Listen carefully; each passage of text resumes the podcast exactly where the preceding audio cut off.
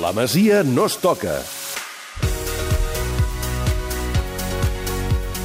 Obrim carpeta de la Masia avui molt, molt, molt eh, farcideta, però abans haig de tornar al Camp Nou. Marc, s'ha acabat la primera part del Barça United de Llegendes. Doncs sí, eh, mitja part, eh, continua el 0-1 al marcador amb aquest gol de Blomqvist del minut eh, 13. No hi ha hagut més canvis, el Barça continua dominant però tampoc ha tingut cap ocasió eh, de gol claríssima. En canvi, el Manchester United sí que n'ha tingut un altre als peus de Poborski, que ha acabat eh, enviant a corna Nadal amb el cap. S'ha de dir que hi ha bastants aficionats anglesos perquè quan ha marcat el Manchester United i quan hi ha hagut una jugada amb un possible penal a Parc, doncs eh, força aficionats han reclamat eh, aquest eh, penal. Eh, per tant, podem dir que hi ha públic de fora i força i segur ara, després de eh, que hagi anat entrant la gent, molt més públic que no pas el dia de l'homenatge als eh, campions de la primera Copa d'Europa del Barça. Per cert, que abans parlàvem de Tello i ara per línia interna m'apuntaves que tens algun detall més d'aquesta operació que l'ha portat al Betis. Sí, perquè comentàvem que són 4 milions d'euros més un en incentius pel Barça. Aquest 1 milió d'euros de més eh, semblaria que és relativament senzill que el Barça l'acabés cobrant. Hi ha dues condicions, una que Tello jugui un mínim de partits i que tenint en compte que Quique Setién el vol convertir en un jugador important, doncs eh, sembla relativament senzill que això passi i l'altra és que el Betis eh, es mantingui a primera divisió. Potser això serà el més complicat, però vaja, Va, eh, 4 Home, més amb 1... Quique Setién segur que no. Segurament. I l'altre, Bueno. que això que dèiem que es queda, que es reserva Sí, drets... la segona volta de les Palmes se'n va tercera. Digues, Marc, Eh, perdona. Aquests drets que es reserva el Barça en un futur traspàs són del 50%, és a dir, la meitat del que cobri el Betis si acaba traspassant Tello eh, en els pròxims 4 anys, doncs eh, són butxacarà al Barça. No està malament. Ara tornarem cap al Camp Nou, Marc. Molt bé. Entrant en matèria de la Masia, ja us deia que avui hi ha teca a dojo, però vull començar amb unes declaracions de Pedro, sí, sí, Pedrito, Pedro Rodríguez, l'exjugador del Barça, ara del Chelsea, ahir al Larguero repartint estopa a dojo sobre l'actual funcionament del planter del Barça. Es verdad que están saliendo muchos casos y jugadores de la base y para mí en especial es una pena, ¿no? Una pena porque creo que se está perdiendo un poco quizás eh, esa filosofía a lo mejor de base, a pesar de que el Barça evidentemente debe ser uno de los clubes más punteros y mejores del mundo que saca jugadores cada día de la cantera, pero bueno, creo que años atrás se utilizaba mucho más, había en el primer equipo cuando yo jugaba incluso llegamos hasta poner un once todo entero de la casa y creo que eso a día de hoy es bastante complicado que vuelva a suceder. Sí, de hecho si miras los últimos años atrás, mucha gente pues por desgracia ha tenido que salir, ¿no? Jugadores como Bartra, Sí, Thiago, verdad. eh, yo mismo, eh, Tello, eh, muchos jugadores que han tenido que poder buscarse la vida afuera y como te digo, siempre es complicado jugar el Barça, evidentemente, pero yo creo que estos jugadores concretamente sí que dan el nivel para poder estar en el primer equipo, ¿no? Ahora los quieren volver a recuperar, como puede ser el caso de Ulofe o otros jugadores, etcétera, ¿no?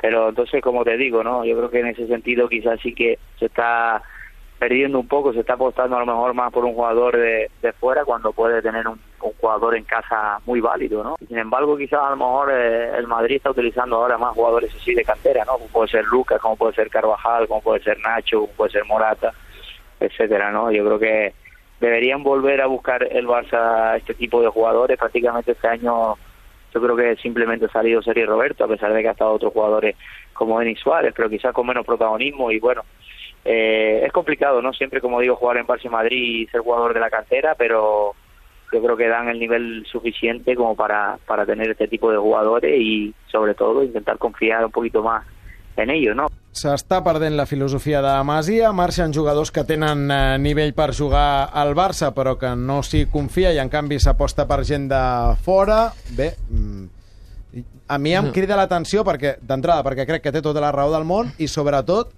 perquè Pedro és un tio que de, llevat d'aquella Supercopa que estava a punt de marxar i es va agafar l'enrabiada del segle amb Robert no li he sentit mai alçar la Bé, veu ni des, un... Després en la concentració amb Espanya, no? Tampoc, Ah, sí, eh, també, també. Tampoc. Eh, Sí, diríem que en els últims anys... el caràcter. Sí, en els últims anys s'està deixant anar una mica. però... No, estic, estic totalment d'acord amb tu. Sorprèn, ja sorprèn de per si que un jugador de futbol sigui tan contundent amb les seves declaracions. Sorprèn encara més que ho sigui Pedro, però com has dit tu, tampoc no era un jugador de declaracions massa rellevants.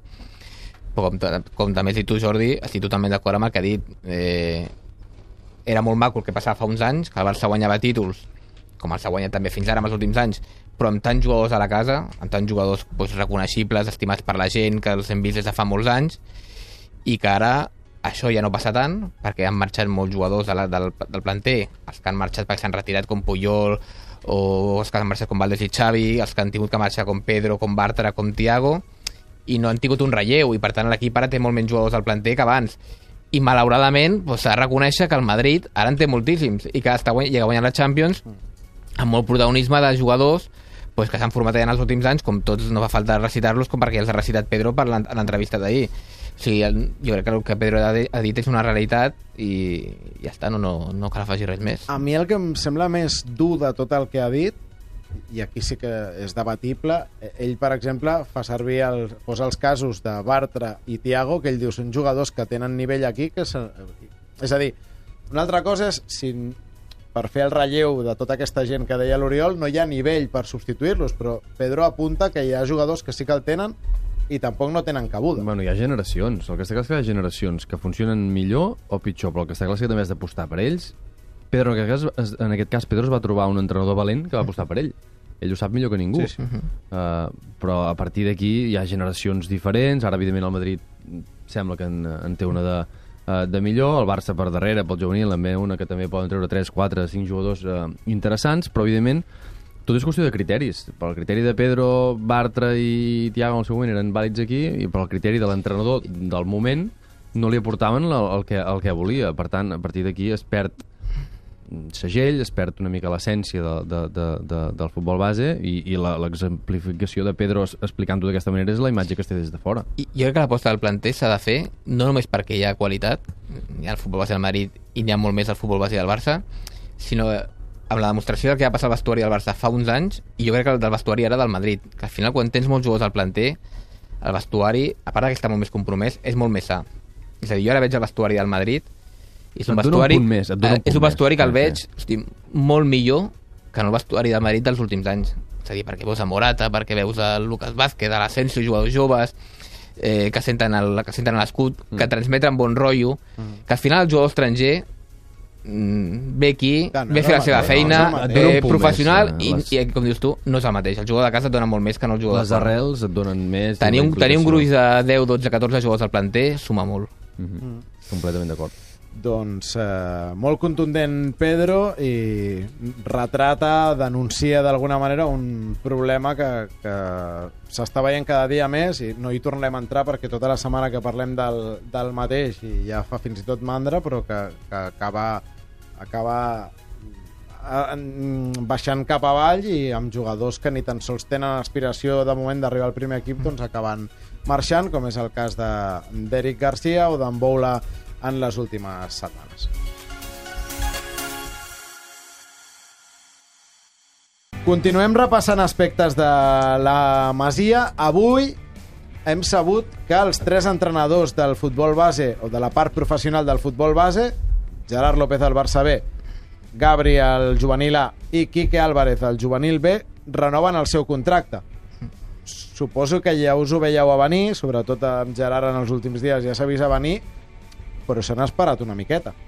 es veia venir en els últims dies, Sí, sí, perquè sí. durant l'any eh, i els últims mesos s'ha parlat, primera que Gerard potser no continuaria, eh, es va parlar també de que Gabri eh, tenia ofertes d'Holanda, de Suïssa, eh, que amb la creació del Barça C hi hauria moviments d'entrenadors amunt i avall, vull dir que al final això no, no estava clar, si és veritat que l'última setmana des de que el, aquí Gerard va dir en roda de premsa i aquí ho vam comentar que només faltava la signatura que després hi va dir que això havia sigut unes declaracions de la galeria però aquí ja vam dir que si ho dius és perquè hi havia un motiu. Però sí que és veritat que en els últims eh, 15 dies ja més o menys es preveia que els tres continuarien. Però sí que és veritat que ha sigut un, un tema sobretot la continuïtat de Gerard i Gabri del que se n'ha parlat molt els últims dos o tres mesos. Per cert, ara que traies eh, de passada el Barça C, finalment, Sònia, eh, el... això de que havia de ser el Barça C no podrà ser perquè avui s'acaba el termini, Avui, també. aquesta nit a la mitjanit... Que, de fet, ja havíem anat descartant possibilitats, Sí, sí. el anat Terrassa, i quedava el Gavà, però... El, el Gavà, que en teoria l'han fet baixar, ho explicàvem Sí, al sí. principi del programa, l'han fet baixar tercera per eh, deutes amb els seus jugadors, malgrat que han demanat una pròrroga de quatre dies, perquè diuen que el pagament està arribant. Bé, en tot cas, en principi, hauria de baixar el Gavà i el Paralada podria eh, tornar a tenir, podria tenir plaça a segona B, Eh, això es confirmarà en els pròxims dies, però efectivament el Barça, com a mínim, la idea de l'afiliació sembla ser que no podrà ser. Afortunadament, perquè jo amb el Barça C no hi he cregut mai, Totalment des de que en el seu dia va desaparèixer, perquè al final els 25 jugadors que formen la plantilla del Barça C són els 25 jugadors amb els que no hi creus, i al final si tens alguns casos que són 4, 5, 6 dubtosos perquè creus que no tenen lloc al Barça B, escolta, el que pots fer és cedir-los, equips de segona B, eh, seguir-los a prop, escolta, si exploten els seus equips, doncs ja, ja tornaran.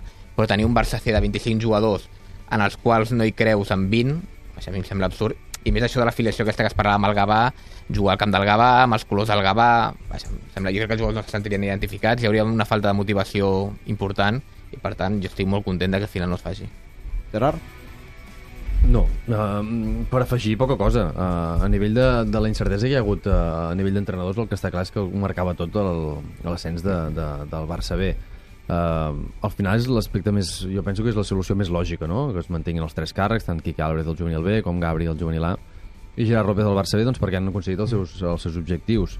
Uh, al final, probablement, Gabri ha fet un any, jo penso, Gabri, un any realment bo, uh, a nivell tàctic, amb algun experiment que ha sortit, que ha sortit bé i sent innovador en algunes, en algunes tàctiques i al final uh, no ha aconseguit doncs, uh, potser doncs, la Champions, allà a Nyon va, no, no va sortir del tot, del tot bé, però jo penso que en general han comprat els objectius i penso que és la situació més, més lògica i normal. A nivell de Barça C, jo tinc més, més dubtes. No ho sé si hagués funcionat, la veritat, però les, les raons i la, la, el raonament que fa servir l'Uri doncs el compro bastant, perquè no, no, no té molt sentit que, que sigui un club, l'afiliació també era complicada, i com comentes al final, la implicació i la motivació probablement no hagués sigut la més, la més adient. De fet, hi ha jugadors del juvenil A que se'ls va dir que continuarien en el Barça C. Sí, sí. I ara no sé com queda la continuïtat No, d'aquests jugadors. Hi ha jugadors també que anaven a fitxar pel Barça C o recuperar alguns cedits.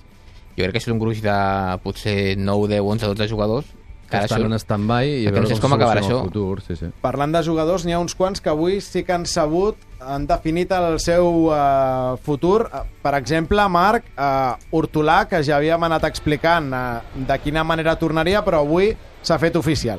Doncs sí, ja és oficial, era el porter que el Barça tenia cedit a l'Alavés aquesta última temporada, s'incorpora a les files del Barça com a primer porter del Barça B, però ja ens han dit que s'entrenarà sovint amb el primer equip, farà el paper de Massip, però exercirà de tercer porter al, al primer equip, però serà el titular del filial. També torna Joaquín Ezquieta, un altre porter que estava cedit al Sabadell, per tant aquests dos seran els porters del filial, i això comporta que el porter titular aquesta passada temporada, José Aurelio Suárez, doncs, eh, que acabava contracte avui mateix, eh, s'hagi acomiadat ja dels eh, seus companys. I també el club ha anunciat que avui acabaven vinculació amb el club i que no se'ls ha... Això és per una... Ronaldinho, jugada de Ronaldinho, exacte que sens dubte és el que està posant més espectacle. Eh? Els, els altres jugadors intenten fer el millor que poden i Ronaldinho és el que intenta fer una mica de olés entre, entre el públic. Doncs el que dèiem, quatre jugadors més eh, que acabaven contracte i que no seguiran. Gumbau, eh, que recordem que és un jugador que va debutar amb el primer equip el 2015, que ha jugat partits de Champions, de Lliga, de Copa. Mm. Perea i Chemi doncs, també marxaran del club eh, i en canvi un que tenia encara un any de contracte però que se sabia que no comptava per Gerard a segona, Borja López. Eh, s'ha buscat la vida i avui ha anunciat que fitxava pel Hajduk Split de Croàcia. Eh, recordem que és un jugador per qui fa 4 anys el Mónaco va pagar 2.200.000 euros. Per tant no sé si voleu fer algun paral·lelisme amb Mboula, que el Barça No. va incorporar No farem cap paral·lelisme amb en Boula perquè aquest any va jugar amb el primer equip al camp de l'Hèrcules i va perpetrar un partit que, que té la No, ho marinera. dic perquè és un jugador que molt jove, el Mónaco va pagar diners per ell, que després s'ha demostrat Era que una no... promesa, però que va, va quedar en allò. De Exacte. totes aquestes sortides, jo crec que més o menys totes cantades, a mi m'ha sorprès la de Gumbau. Un jugador indiscutible per, per Gerard, que ja el tens, que ha jugat a segona. A mi, no, no és sant de la meva devoció, eh? Jo quan, quan Luis Enrique el pujava al primer equip en lloc de Sant Pere, a mi se m'enduien els dimonis. Però avui a mi m'he quedat sorprès que, que el Barça no el retingués. Ah, potser sorprèn que es quedi Fali, per exemple, i no es quedi Gumbau, no? Seria una mica la, la Fali, sorpresa. perquè et facis una idea, eh, Fali és el diny del primer equip. Són casos que m'enerven. Gumbau, jo recordo que Gumbau, la situació de Gumbau era, era, ha sigut indiscutible aquest tram final, la segona volta, a nivell de, de, Ja, de comença- transcendència. no haver-hi convocat per Gerard. És que vull anar allà, aquí vull arribar. Al principi de temporada tenia un mig peu, un peu fora. Uh -huh. um, va costar, es va rebel·lar contra la seva situació i al final ho ha, ho ha, ho ha tirat Ha endavant. marcat gols importants amb, amb a la Lliga. nivell, marcant gols, les- un, un jugador important en estratègia, per equilibrar mig el camp, al final ha acabat a bon, a bon, uh, a bon rendiment. Mm, Però a mi personalment tampoc em sorprèn excessivament que no, que no, que no segueixi. Bé, doncs m'he quedat uh, sol. Eh, M'heu dit... No, no, jo, jo, jo també, eh? A mi que, que no segueixi Gumbau i que segueixi Fali, i això tampoc no li, no li trobo molt sentit. Mm, Bé, Fali és, és evident que és un altre jugador d'absoluta confiança per, per Gerard. el que sí que és veritat que ja veurem la confecció de la plantilla, és a dir, si el lloc a de veure Gumbau quin tipus de plantilla es l'ocupen farà. juvenils de 18-19 anys amb projecció d'arribar un Ah, dia al no, primer no. equip, Llavors- llavors, estarà justificadíssim. Sí, Si això de- Bueno, jo crec que veurem. haurem, que haurem d'esperar asseguts, però vaja.